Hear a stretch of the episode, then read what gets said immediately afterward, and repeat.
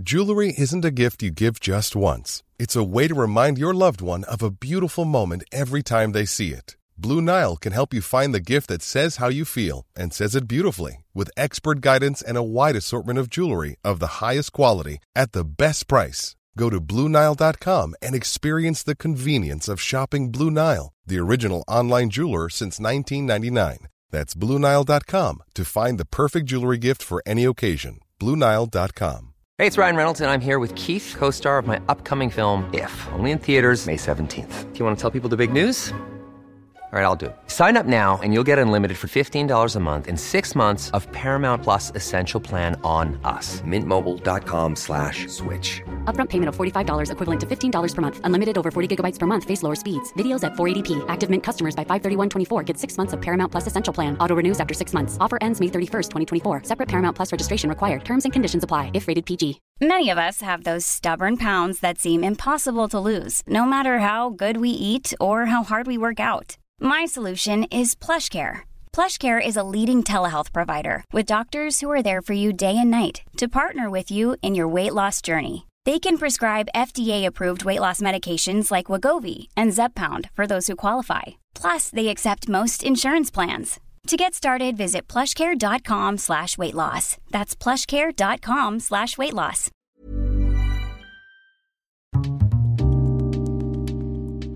Det här programmet handlar om en noga utvald bok och ett samtal med dess författare.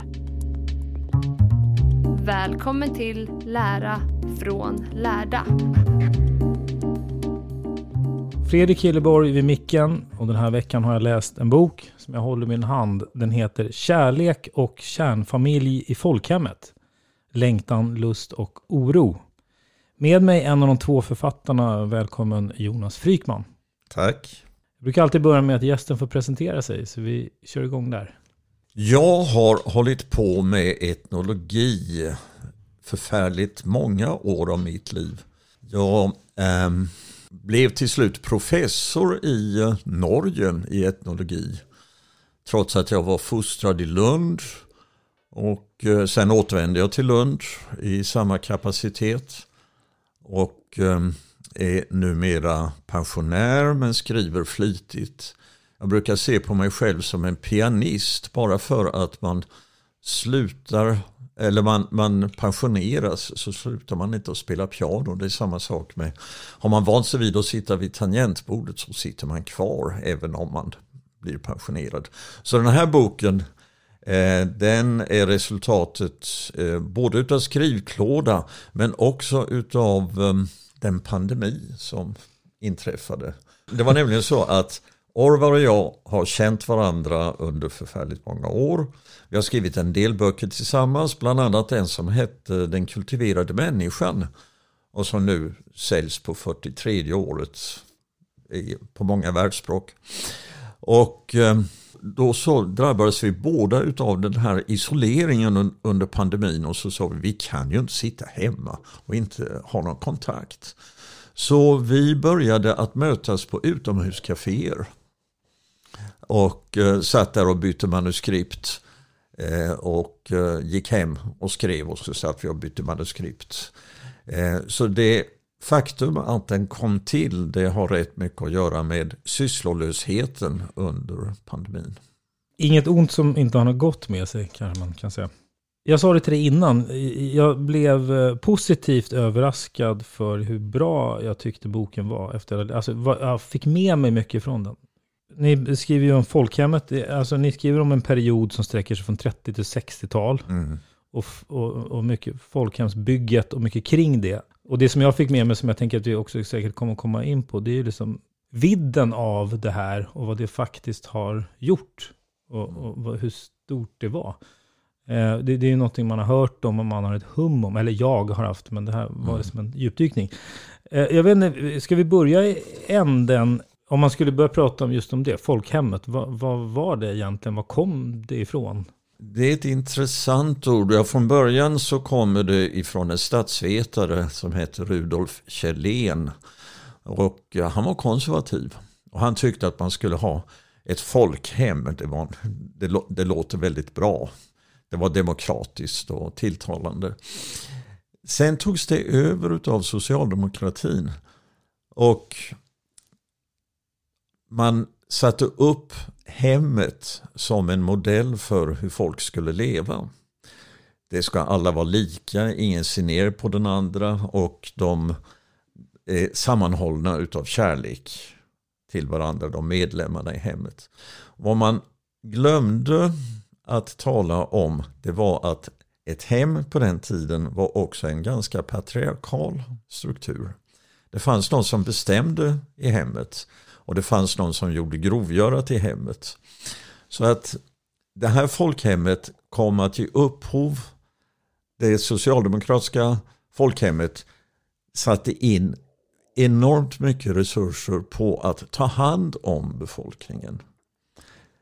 De, socialdemokratin kommer till makten efter Wall Street-kraschen eh, och de samarbetar länge med bondeförbundet och får makt. Och då sätter de igång någonting som man kallar för en social ingenjörspolitik. Eh, och det betyder att man utgår från tanken att befolkningen går att forma med hjälp av reformer.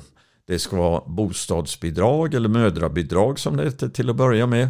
Man ska se till att de höll sig friska genom att de skulle ha semester och eh, man eh, skulle skaffa bostäder och också inrätta dagismöjligheter.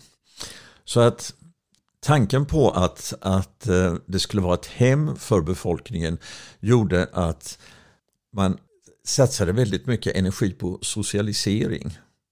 Och socialisering har ju två betydelser. Dels uppfostran och sen så också att, att eh, eh inspireras av en socialistisk ideologi. Mm.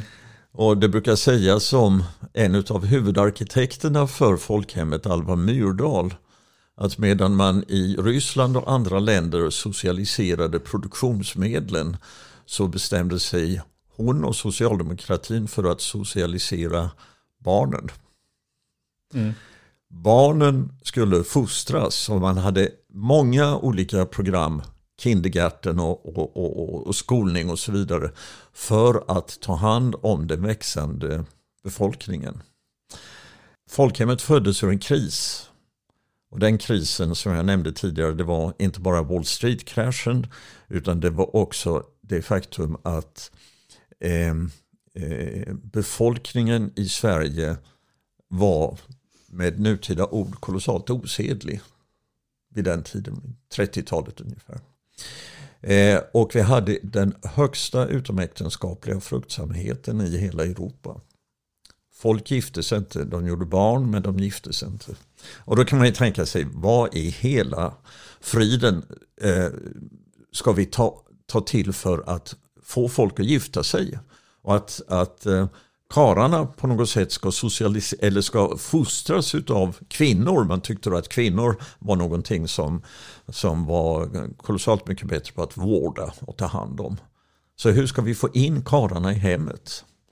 Och då sätter man igång ett projekt som handlar om att bilda kärnfamiljer. Mm.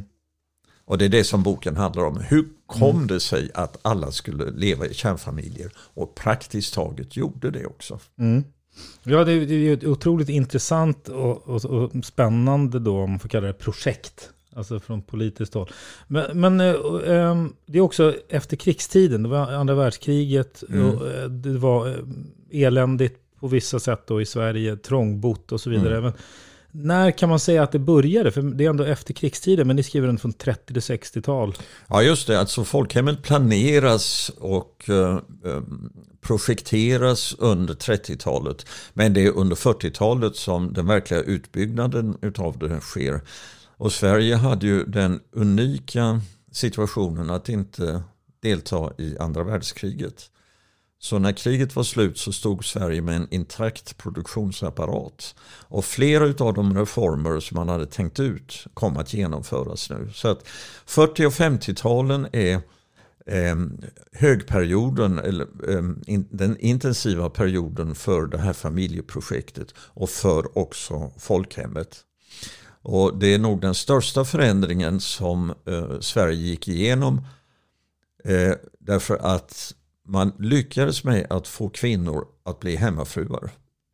Bort från arbetsmarknaden, kararna skulle ut i produktionen, barnen skulle sättas i skolan och kvinnan skulle vara hemma för att ta hand om dem under, den första uppväxt, under de första upp, uppväxtåren. Mm. Så det skapas eh, små folkhem i varje liten ort på något sätt. Eh, och eh, just den här ideologin slår igenom eh, så effektivt. Och, och det, går, det går att berätta så oerhört detaljerat och intressant runt omkring eh, planerna för hur det här skulle gå till egentligen. Eh, och eh, planerna, man, man tillsatte ju utredning efter utredning, man lanserade propagandaoffensiv efter propagandaoffensiv. Och eh, det första var att man skulle lära folk att sexualitet hör hemma i äktenskapet. Eh, det har, sexualiteten har aldrig varit så inomäktenskaplig. Vare sig tidigare eller senare som under de här 30 åren. Mm. Det är där som den hör hemma. Och, och, och för att då familjebildningen är nummer ett? Därför att den här befolkningskrisen som Sverige befann sig i vid det tillfället. Den kunde repareras bara om varje familj siktade mot att få tre barn. Då, då klarar man reproduktionen. Så det talas egentligen inte så mycket om sexualitet i, i den bemärkelsen vi tänker på det idag med någonting som är njutningsfullt och, och uh, rymmer kärlek och intimitet utan det talas om i termer av reproduktion. Och man talar om att vi ska se till att i äktenskapet finns det en god sexualhygien. Jag tror inte man skulle vinna några röster på att eh, försöka genomföra eh, god sexualhygien i dagens eh, äktenskapsannonser. Nej. Riktigt. Det, men alltså, och, och Alva Myrdal skriver till och med i, i en av utredningarna som kom 1936 som var en utredning i sexualfrågan att man ska se till att eh, eh, i varje äktenskap så ska det finnas regelbundna och psykofysiskt tillfredsställande könsakter. Det här är alltså en sån instrumentell syn på Eh, hur folk ska leva. Man, man går in i sovrummet till och med och talar om för folk eh, vad de ska göra. Och resultatet visar ju så, så småningom alltså. Eh, jag är född på 40-talet, jag tillhör boomers och det är den mellan 41 och 1949 så föds alltså den största barndomskullen som någonsin har fötts i Sverige. All, trots att det bara var 6 miljoner invånare då och vi är 10 miljoner idag så har födelsetalen aldrig varit så höga. Så det, det kom verkligen att dominera den där. Men frågan är då, och, och det som har fascinerat oss och som vi fick att skriva boken, berodde det på att, att um, det var, det var eh, initiativen uppifrån på propagandan, på upplysningen, på sexualupplysningen, på RFSU, på Elise Ottesen Jensen och alla de här pionjärerna som, som drev upplysning om, om sexualfrågor. Nej, så var det inte. Utan ungdomarna själva började göra någonting som inte hade existerat tidigare. De började kila stadigt. De skaffade sig, därför att hur ska de veta vem de ska gifta sig med? Mm. Eh, och tidigare, om vi går tillbaka till sekelskiftet och till landsbygds-Sverige, då visste ju hela byn vem som skulle gifta sig med vem. Det var bara att titta på hur åkrarna låg och eh, hur stora gårdarna var. Eh, och eh, bönderna levde inte i kärnfamilj, de levde i hushåll som innefattade drängar och äldre generationer och, och, och, och så vidare. Eh, och i den klassiskt borgerliga familjen så var det ju föräldrarna också som, som bestämde vem som skulle gifta sig med vem. Men nu när de här stora kullarna föds så är frågan, föräldrarna kan inte längre bestämma vem de ska gifta sig med. Och byn existerar inte längre folk flyttar in till städerna. Och eh, vad som händer är populärkulturen. Man går på bio, Mm. Man läser veckotidningar. Eh, man börjar lära sig att använda ord som inte var vanliga tidigare. Vad, är, vad innebär det att älska? Vad innebär det att uppvakta någon? Vad innebär det att bestämma träff? Och eh, vad innebär det att antingen pola eller kila stadigt eller eh, säga att man är ett, ja. Och, va, och vart är vi i tid då? ja, då är vi i eh, slutet på 30-talet och början på 40-talet.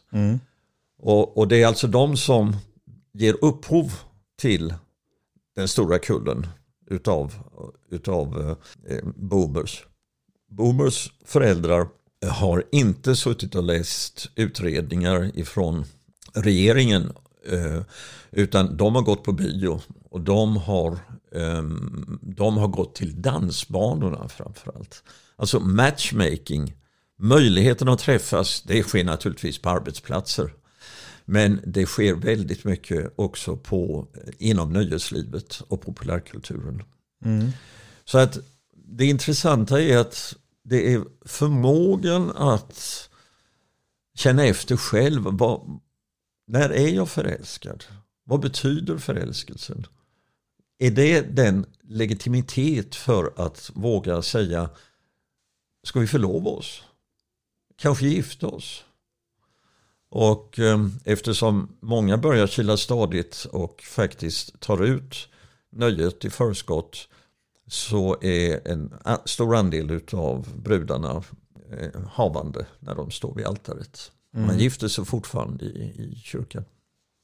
Så eh, det är en kombination utav att staten vill alltså eh, socialisera medborgarna och få dem att eh, leva på ett mycket mer rationellt, hygieniskt eh, sätt och blanda sig in i privatlivet. Men samtidigt så börjar folk skaffa ett eget privatliv.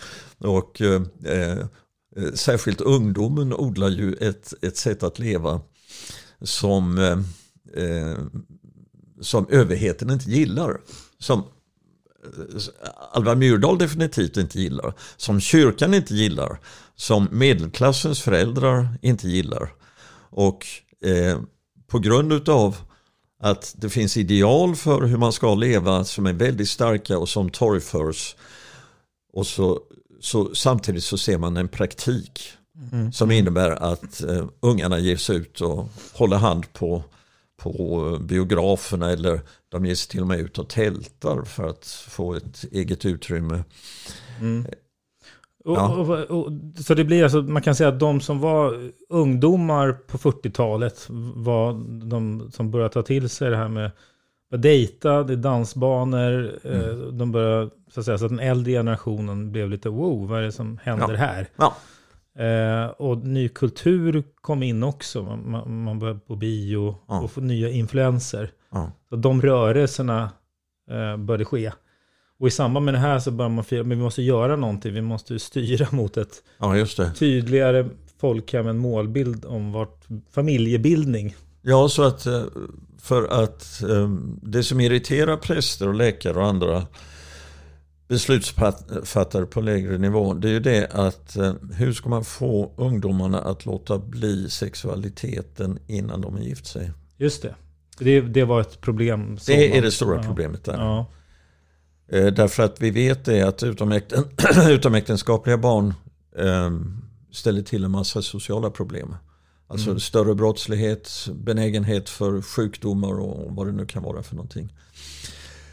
Det kan man inte säga idag men på den tiden så var detta ett, ett jätteproblem. Och eh, vad man sa enhälligt ifrån både beslutsfattare och ifrån ifrån eh, eh, läkarhåll och prästhåll. Det var om ni inte kan hålla på er så gift er. Mm. det bästa preventivmedlet i det fallet är ju att gifta sig. Och i boken då, då, då får man också följa, är, är det din pappa som var läkare? Ja. Ja, man får följa honom, eh, eller hur? Och han, han agerar ju eh, och svarar på frågor i veckotidningar och bland annat mycket kring sex. Ja. Eh, vilket är intressant, för idag är det ju alla möjliga, ja, det är andra som svarar på sexfrågor. Eh, just inte har den här medicinska ingången. Men det säger också någonting om den tiden, att man, att man har en läkare som säger att så här, alltså just det här pragmatiska läkarperspektivet. Ja. Säger någonting om den tiden också, hur man såg på det. Läkarna hade ju en, ett enormt ansvar och tillskrevs också en stor skicklighet. Därför att de kände ju till anatomin, hur blir man med barn och så vidare. Och jag måste säga att jag hittade en hel brevsamling hos min pappa med kvinnor som hade skrivit till honom och undrat vad beror det på att vi inte får barn? Till exempel. Det var ju en naturligt besvärlig fråga. Ja. Eh, och eh, så kommer de med egna förklaringar vad det kan bero på. Någon säger till exempel att eh, jag, jag vågar inte kyssas med öppen mun därför att jag tror jag kan bli med barn. Om, om man gör detta. Så det är en väldig okunskap.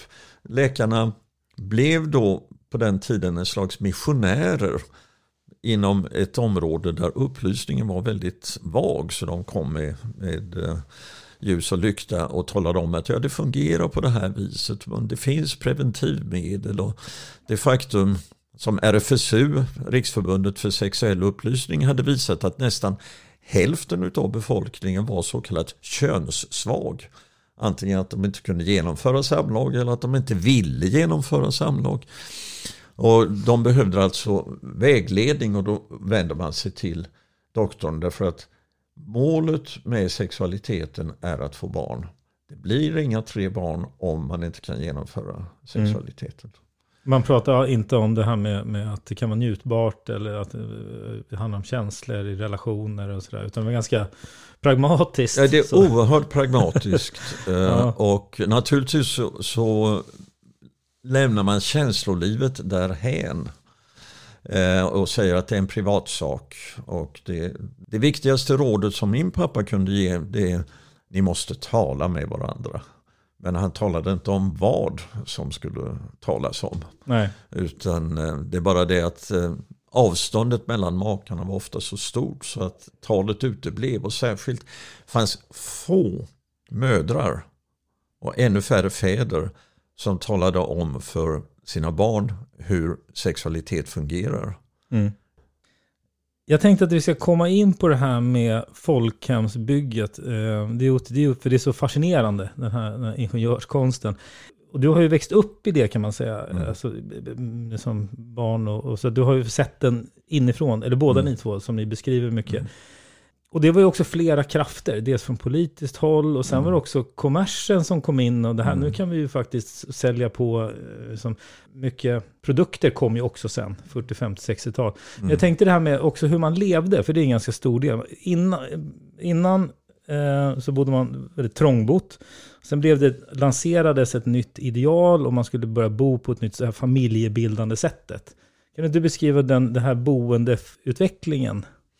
Sverige var ju i början på perioden det mest trångbodda landet i Europa. Alltså de bostadsundersökningar som gjordes eh, pekade på att traditionen ifrån bondesamhället att sova i samma rum och det rummet var köket levde kvar. Och man hade kanske två rum och kök men det ena rummet använde man som finrum. Och köket använder man både som sovrum och som umgängesrum och eh, som kök. Naturligtvis. Så att det finns knappt en centimeter var oupptagen av sovande människor, säger en observatör som kom dit.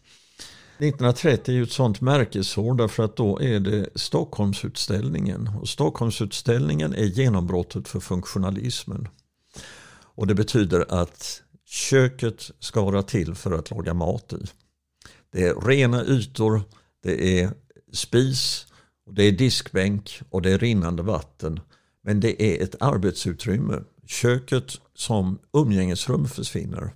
Det är ett laboratoriekök. Och eh, man gör undersökningar hur många steg tar eh, husmorden i eh, köket och sådana här ergonomiska studier av hur det är att arbeta i ett sånt här laboratoriekök. Hur många andetag tar hon när hon diskar och sådana här grejer. Men Samtidigt så växer det naturligtvis fram större lägenheter. Och det byggs barnrikehus till de som är sämre bemedlade. Och de kan innehålla kök och två rum för det mesta. Men det ska släppa in ljus och det ska vara rinnande vatten i det. Och det är ju en, det är den stora revolutionen att man kan få in vattnet. Tala om hygienens förutsättning. att man kan få in rinnande vatten och ha toalett inomhus istället för att gå ut till pumpen och hämta vattnet på gården och att dasset finns där ute. Så funkisen kommer att bli en svensk självklarhet när man bygger bostäder. Det är raka linjer, det är, um, det är stora fönster och det är vitmålade väggar.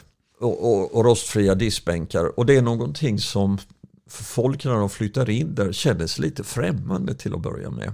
Det, det, den så kallade koslighetsfaktorn eller mysfaktorn är inte så stor i funkishemmen. Men det, det är funktionellt lika fullt. Det, här, det, det lämnas ju statsunderstöd till, till att bygga sådana här bostäder. När sen marknaden kommer att intressera sig för hemmet också så fylls det ju med två saker som, är, som, som marknaden tillhandahåller och som växer enormt i köket. Det ena är, eller i bostaden, det ena är alltså köksutrustning med kylskåp, med eh, kastruller och med bestick och så vidare. Och det andra är leksaker. Massor med leksaker som därför att de små barnen ska dels kunna ha någonting att sysselsätta sig med. Alltså barnpedagogiken växer fram under den här tiden som den kanske viktigaste pedagogiken. Och det är inte bara det att de ska syssla med saker utan de ska också förmå att projicera sig in i tingen. Att de vidgar sin föreställningsvärld genom att leka med dockor, genom att ha lastbilar, genom att ha teddybjörnar. Någon gång ska de bli mamma och pappa också. Någon gång kanske de ska välja ett yrke som, som eh, lastbilschaufförer. Och de leker doktor med varandra och kanske ska de bli läkare så småningom. Så att hemmet växer fram till en utbildningsanstalt med hjälp av alla de ting som marknaden så gärna tillhandahåller. Och med tiden så blir ju hemmet och familjen framförallt eh, den viktigaste konsumtionsenheten och får betydelse för en växande industri av hemprodukter. There's never been a faster or easier way to start your weight loss journey than with PlushCare. PlushCare accepts most insurance plans and gives you online access to board-certified physicians who can prescribe FDA-approved weight loss medications like Wigovi and Zepbound for those who qualify. Take charge of your health and speak with a board certified physician about a weight loss plan that's right for you. Get started today at plushcare.com slash weight loss. That's plushcare.com slash weight loss. Plushcare.com slash weight loss. Hey, it's Ryan Reynolds, and I'm here with Keith, co star of my upcoming film, If, only in theaters, May 17th. Do you want to tell people the big news? All right, I'll do it. Sign up now and you'll get unlimited for $15 a month in six months of Paramount Plus Essential Plan on us. Mintmobile.com slash switch. Upfront payment of $45 equivalent to $15 per month. Unlimited over 40 gigabytes per month. Face lower speeds. Videos at 480p. Active Mint customers by 531.24 get six months of Paramount Plus Essential Plan. Auto renews after six months. Offer ends May 31st, 2024. Separate Paramount Plus registration required. Terms and conditions apply if rated PG. There's never been a faster or easier way to start your weight loss journey than with PlushCare PlushCare accepts most insurance plans and gives you online access to board-certified physicians who can prescribe FDA-approved weight loss medications like Wigovi and Zepbound for those who qualify. Take charge of your health and speak with a board-certified physician about a weight loss plan that's right for you. Get started today at plushcare.com slash weight loss. That's plushcare.com slash weight loss. plushcare.com slash weight loss. Det, det, är väldigt intressant det här med att man, man byggde på ett sätt så nu ska vi leva så här. Jag bodde tidigare i ett hus som byggdes 1946. Eh, och vilket har mycket av de här eh, delarna som du beskriver. Eh, och av en slump så var det faktiskt, min morfar köpte ett lägenhet där 1946 när det byggdes. Sen bodde jag i en annan lägenhet i samma hus. Eh, så de var verkligen en del av det då. Eh, så jag känner igen just det, hur man byggde rummen och hur det såg ut så. Men och också den här, eh, idealbilden som lanserades, den var ju också ganska, eh, på ett sätt kan den fortfarande, när man ser tillbaka, ganska attraktiv. Man såg annonser med glada eh, personer, ofta då mamman stod glad med, med i köket och, och pappan ja. med hatt är på väg till jobb. Det, här, ja. eller, det, det lanserades också en, en, en bild av hur det såg ut som man såg fram emot, alltså en vision. Och kan du tänka dig vilken press som det satte på husmodern också? Därför att hon skulle ju, ofta med amerikanska förebilder, vara den perfekta husmodern som kunde sköta allting i hemmet. Och hon, hon kom ju att eh, utöva den lilla makten. Alltså han kommer hem och bestämmer, som det hette förr i världen, han kommer hem på lördagen och drar klockan och slår barnen. Men eh, han är familjeförsörjaren, men det är hon som har makten i hemmet. Han vet knappast var en pryl finns. Han måste fråga henne, var har vi det, var har vi det någonstans? Eh, och eh, det värsta som hände under 60-talet var ju när papporna eh, pensionerade sig. Plötsligt skulle de sitta i en stol någonstans och man skulle hantera en kar som för det mesta hade varit ute. Och antingen på jobbet eller i föreningslivet. Vem har sagt vad den svensk journalisten skrev när han satte in tekoppen i diskmaskinen och hustrun omedelbart kom och korrigerade därför att han hade satt in den fel. Vem har utnämnt dig till hemmets Margaret Thatcher? Har inte jag rätt att sätta in, sätta in koppen som jag vill i diskmaskinen? Måste du ändra låd, eh, ordningen i bestickslådan varje gång som jag har varit där och eh, tömt diskmaskinen in, in och så vidare. Så att den här kontrollen över tingen i hemmet gjorde ju mannen till någonting av en toffelhjälte när han inte kan hävda sig med hjälp av yrket längre, pensioneringen vid 65 års ålder. Så att eh, eh, de där idealen som målades upp hur en perfekt hemmafru ska vara var dels en press på henne i förhållande till, till eh, eh grannar och eh, fler, eh, eller damer som kom och hälsade på vid elva kaffet. Det var ju hemmafruarna skapade ju ett kollektiv som saknas idag. Alltså att man gick till varandra och man skvallrade och, och talade eh, med varandra om de skandaler som hade inträffat i grannskapet. Det där eh, gjorde att det var en väldig grannskapskontroll också över hur de olika hemmen såg ut. Kontrollen kom inte bara ifrån marknaden utan kontrollen kom också ifrån grannfruarna som eh, visste allting om varandra. Precis, det, det, är intressant för det, ni, ni tar ju, man skulle kunna prata om både så att säga negativa och positiva effekter av det här. Eh, men skulle, man, skulle du säga att det var liksom, som helhet då, om man ser under den här perioden, var det liksom ett lyckat projekt? Lyckades man skapa det här?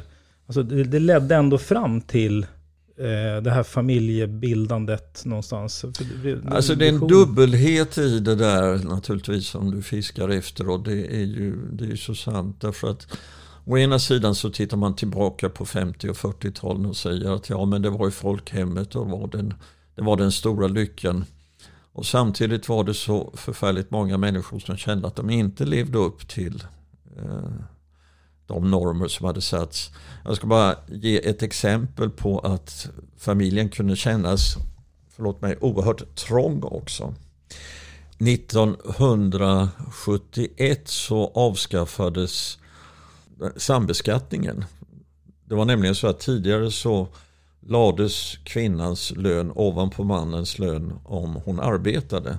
Och det hade en, en del ekonomiska nackdelar med sig. Aha, man ville inte att de skulle arbeta helt enkelt? Man ville inte att de skulle arbeta, det var därför som det var sambeskattning. Men så införde man särbeskattning, att hon får ansvaret för sin egen lön. Och det betydde mycket större frihet för henne. 1974 mm. så var det den högsta skilsmässofrekvensen vi har haft under det här århundradet. Äntligen får hon bestämma över sin egen ekonomi. Äntligen så slipper hon det här tvånget utav att mannen kommer hem på löningsdagen och ger de pengar som hon ska ha i hushållskassan. Så det var en enorm befrielse att komma ut ur familjen också för många kvinnor. Och kanske mm. för män också. Det hade, det hade fler orsaker naturligtvis. Men på det, på det stora planet så kom ju den här satsningen från statens och administrationens och, och eh, byråkratins sida göra att flera av de traditionella fam familjeuppgifterna togs hand om staten. Och då finns det de som menar att vi fick en så kallad etatism, alltså inte nationalism utan att eh, nationalism innebär ju att man köper en ideologi men om det är staten som, som bestämmer väldigt mycket av det så betyder det att staten också tar över delar av familjens funktioner.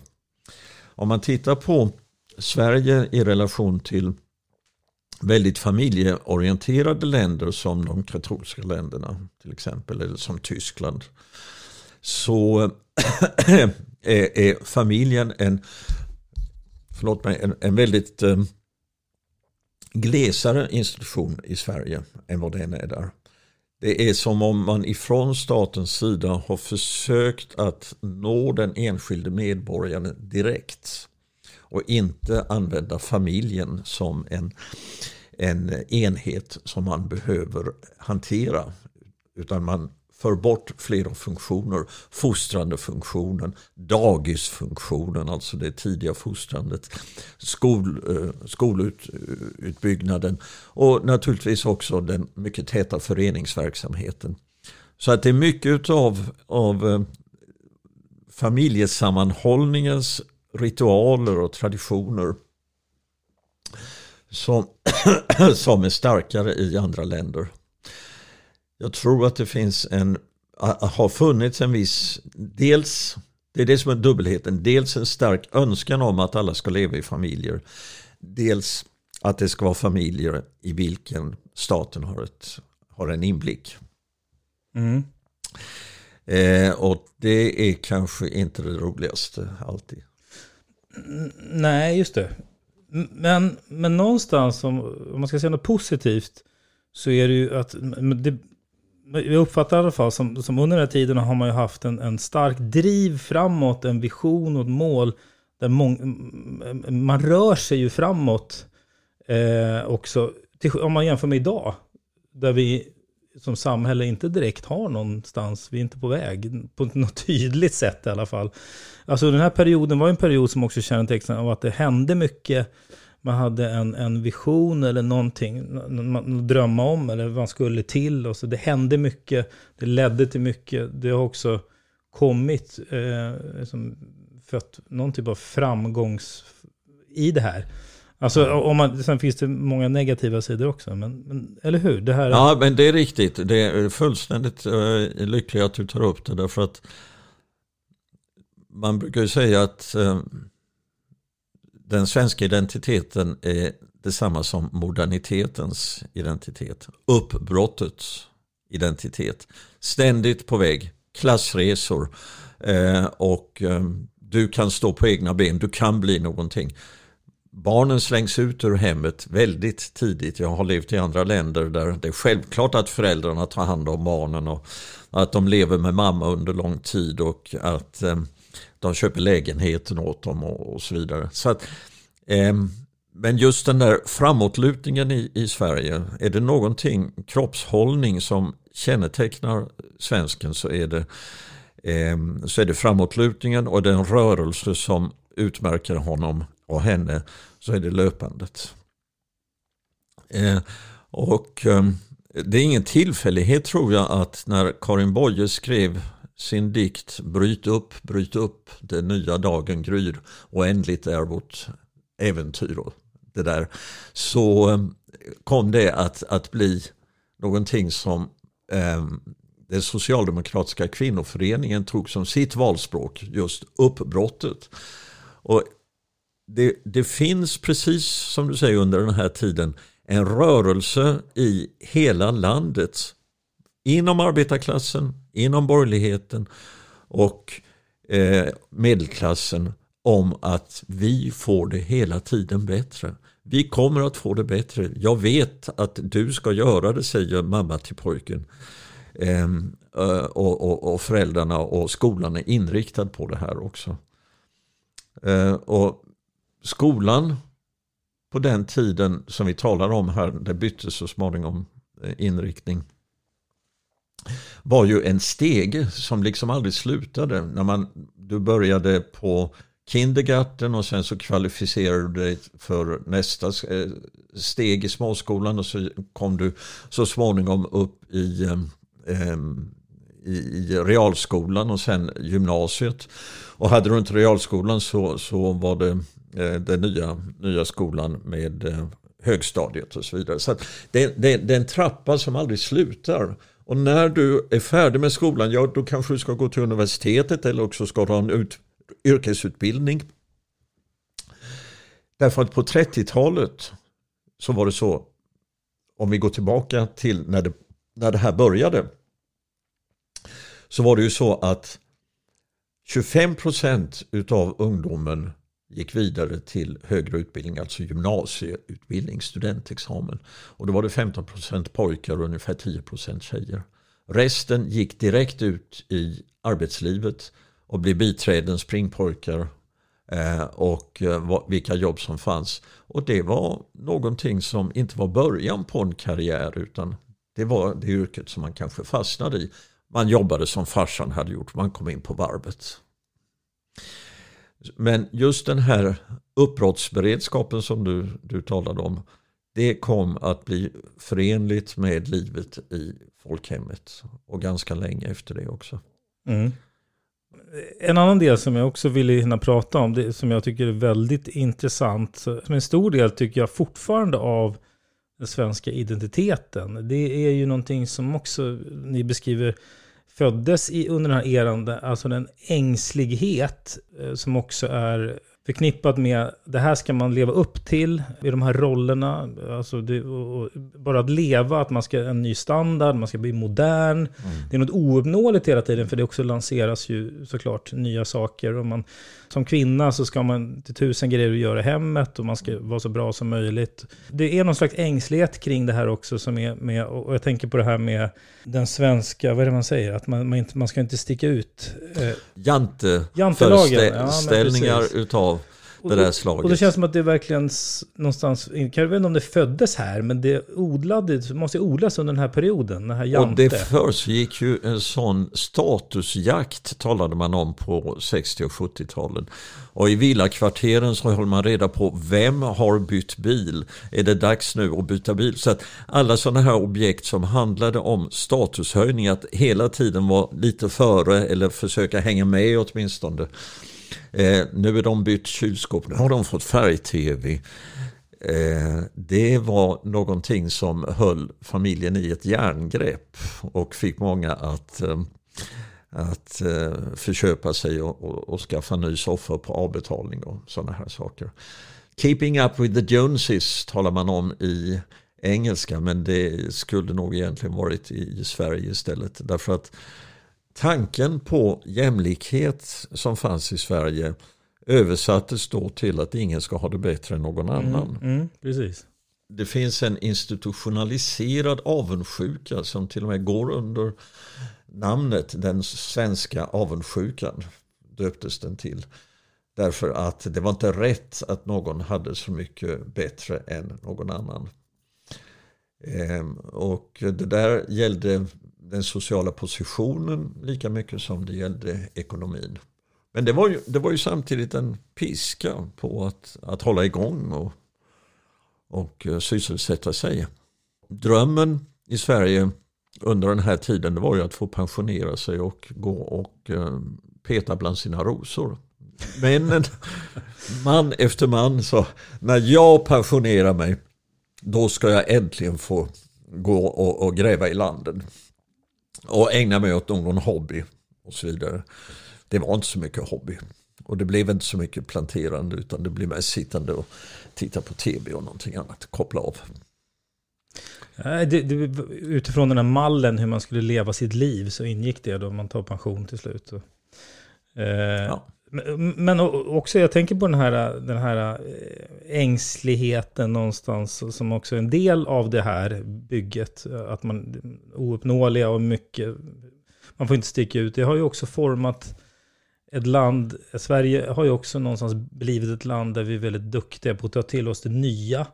Vi, vi är väldigt, eh, ligger i framkant vad det gäller mode och trender. Och, eh, alltså sådär. Vi är ett litet land i världen men vi har blivit också duktiga på någonting. Jag, jag kan se att det kanske finns en koppling kring hur vi har formats. Eh. Jag tror att när vi håller oss till den där perioden så hade ju Sverige turen att vara omgiven utav grannar som hade farit ganska illa under kriget. Och från dansk, från norsk, från finsk sida så sågs ju Sverige som ett föregångsland. Deras skolreform, de hade, de hade stålrörsmöbler medan vi här i Norge vi sitter med våra gamla, gamla träkubbar och, och med en inredning som härstammar från Malmogen. Eh, och de har mycket större, de, de kör Volvobilar allihop och så vidare. Så att Sverige var ju hjälpt av att grannländerna ett tag befann sig på efterkälken. Det skapade självbilden av Sverige att vi var så kolossalt duktiga. Jag tror inte att den bilden eh, har eh, överlevt idag. Men det, det, är en annan diskussion. Men under de här åren så var Sverige den lysande eh, facklan eh, på väg mot, mot framtiden. Det var framtidslandet. Jag tänker bara på en liten episod i samband med, med fostran som eh, var kännetecknande i väldigt många svenska hem. Har du haft en dörrpost i ditt hem där du har mätts? Hur ja, många ja, centimeter? Ja, ja, precis. Ja, Just det. Jag växte upp, ja. Ja, för att eh, det där, det där var ju en attityd som man lärde sig att, att hela tiden sträcka lite på, sträcka lite på ryggen. Inte ställa sig på tå men sträcka på ryggen för att komma en centimeter högre upp. Alltså väldigt mycket av den här eh, viljan att komma framåt och att utmärka sig sätter sig ju i kroppen som en disposition. Det är inte någonting som man tänker utan det är någonting som man gör. Man vill vara bättre, man, man, vill, man vill nå längre. Och, och eh, Ibland när man talar om den svenska mentaliteten så eh, pratar man tycker jag alldeles för mycket om värden. De svenska värdena, vad är det för värden som vi kan slå vakt om? Nej, det handlar också om vilka kroppsdispositioner slår man vakt om. Vi talade om framåtlutningen, vi talade om löpandet, vi talade om otåligheten. Och vi kan också tala om, eh, om eh, förmågan att, att sträcka sig och vara lite längre än vad man i själva verket är. Man slår sig inte till ro så gärna i Sverige. Eh, ordet hygge som är så omtyckt i Danmark har aldrig landat i Sverige. Tiden rinner iväg. Är det någon pusselbit som vi inte har nämnt? Vi har ju, Massor förstås. Ja, men är det någon som vi har nämnt som du känner att du vill nämna? Vi, vi har rört oss lite fram och tillbaka eh, ja, och pratat om massa spännande ja. saker. Jag har eh, en fru som är uppvuxen i ett socialistiskt land som nu inte längre existerar, den statsbildningen, Jugoslavien. Och eh, hon är tränad som pionjär och hon har levt med eh, de ideologier som eh, fanns inom socialismen. Hon kommer till Sverige och så säger hon att hela den utopi som ryms i, inom den socialism som jag har vuxit upp med är förverkligad, förverkligad i praktiken i Sverige. Och då tänker hon framförallt på de väl, välfärdsinstitutioner som har genomförts i Sverige. Därför att en sak är fullständigt klar att eh, den välfärdsutveckling som har varit har gjort individen väldigt fri att handla och trygg i att eh, inte behöva gå under om man trampar fel. Och det sträcker sig längre än efter 60-talet? Då? Ja, det sträcker sig mm. längre än 60-talet. Det lever ju nu. Mm. Hon har bott i Sverige i 25 år och hon är ständigt lika förvånad över att... Vad tänker du på det då, utifrån folkhemsbygget? Ja, därför att det grundlades med hjälp av reformer och med hjälp av demokratiska beslut. Och eh, det har inte funnits någon erfarenhet utav, ehm, eh, utav eh, starka hierarkier och utav eh, vad heter det, diktaturer som det har varit i andra länder. Sverige har varit en, en föredömligt pålitlig demokrati. Och man kan ju se att när det kommer fram partier i Sverige som har en annan ideologisk hållning än den som är den traditionella demokratin så råkar delar av samhället i skälvning. Precis, ja, exakt. Det är ytterligare en anledning till att det har, har alltså, någonstans också skapat framgång. Just det, det, att det har stått på en demokratisk grund.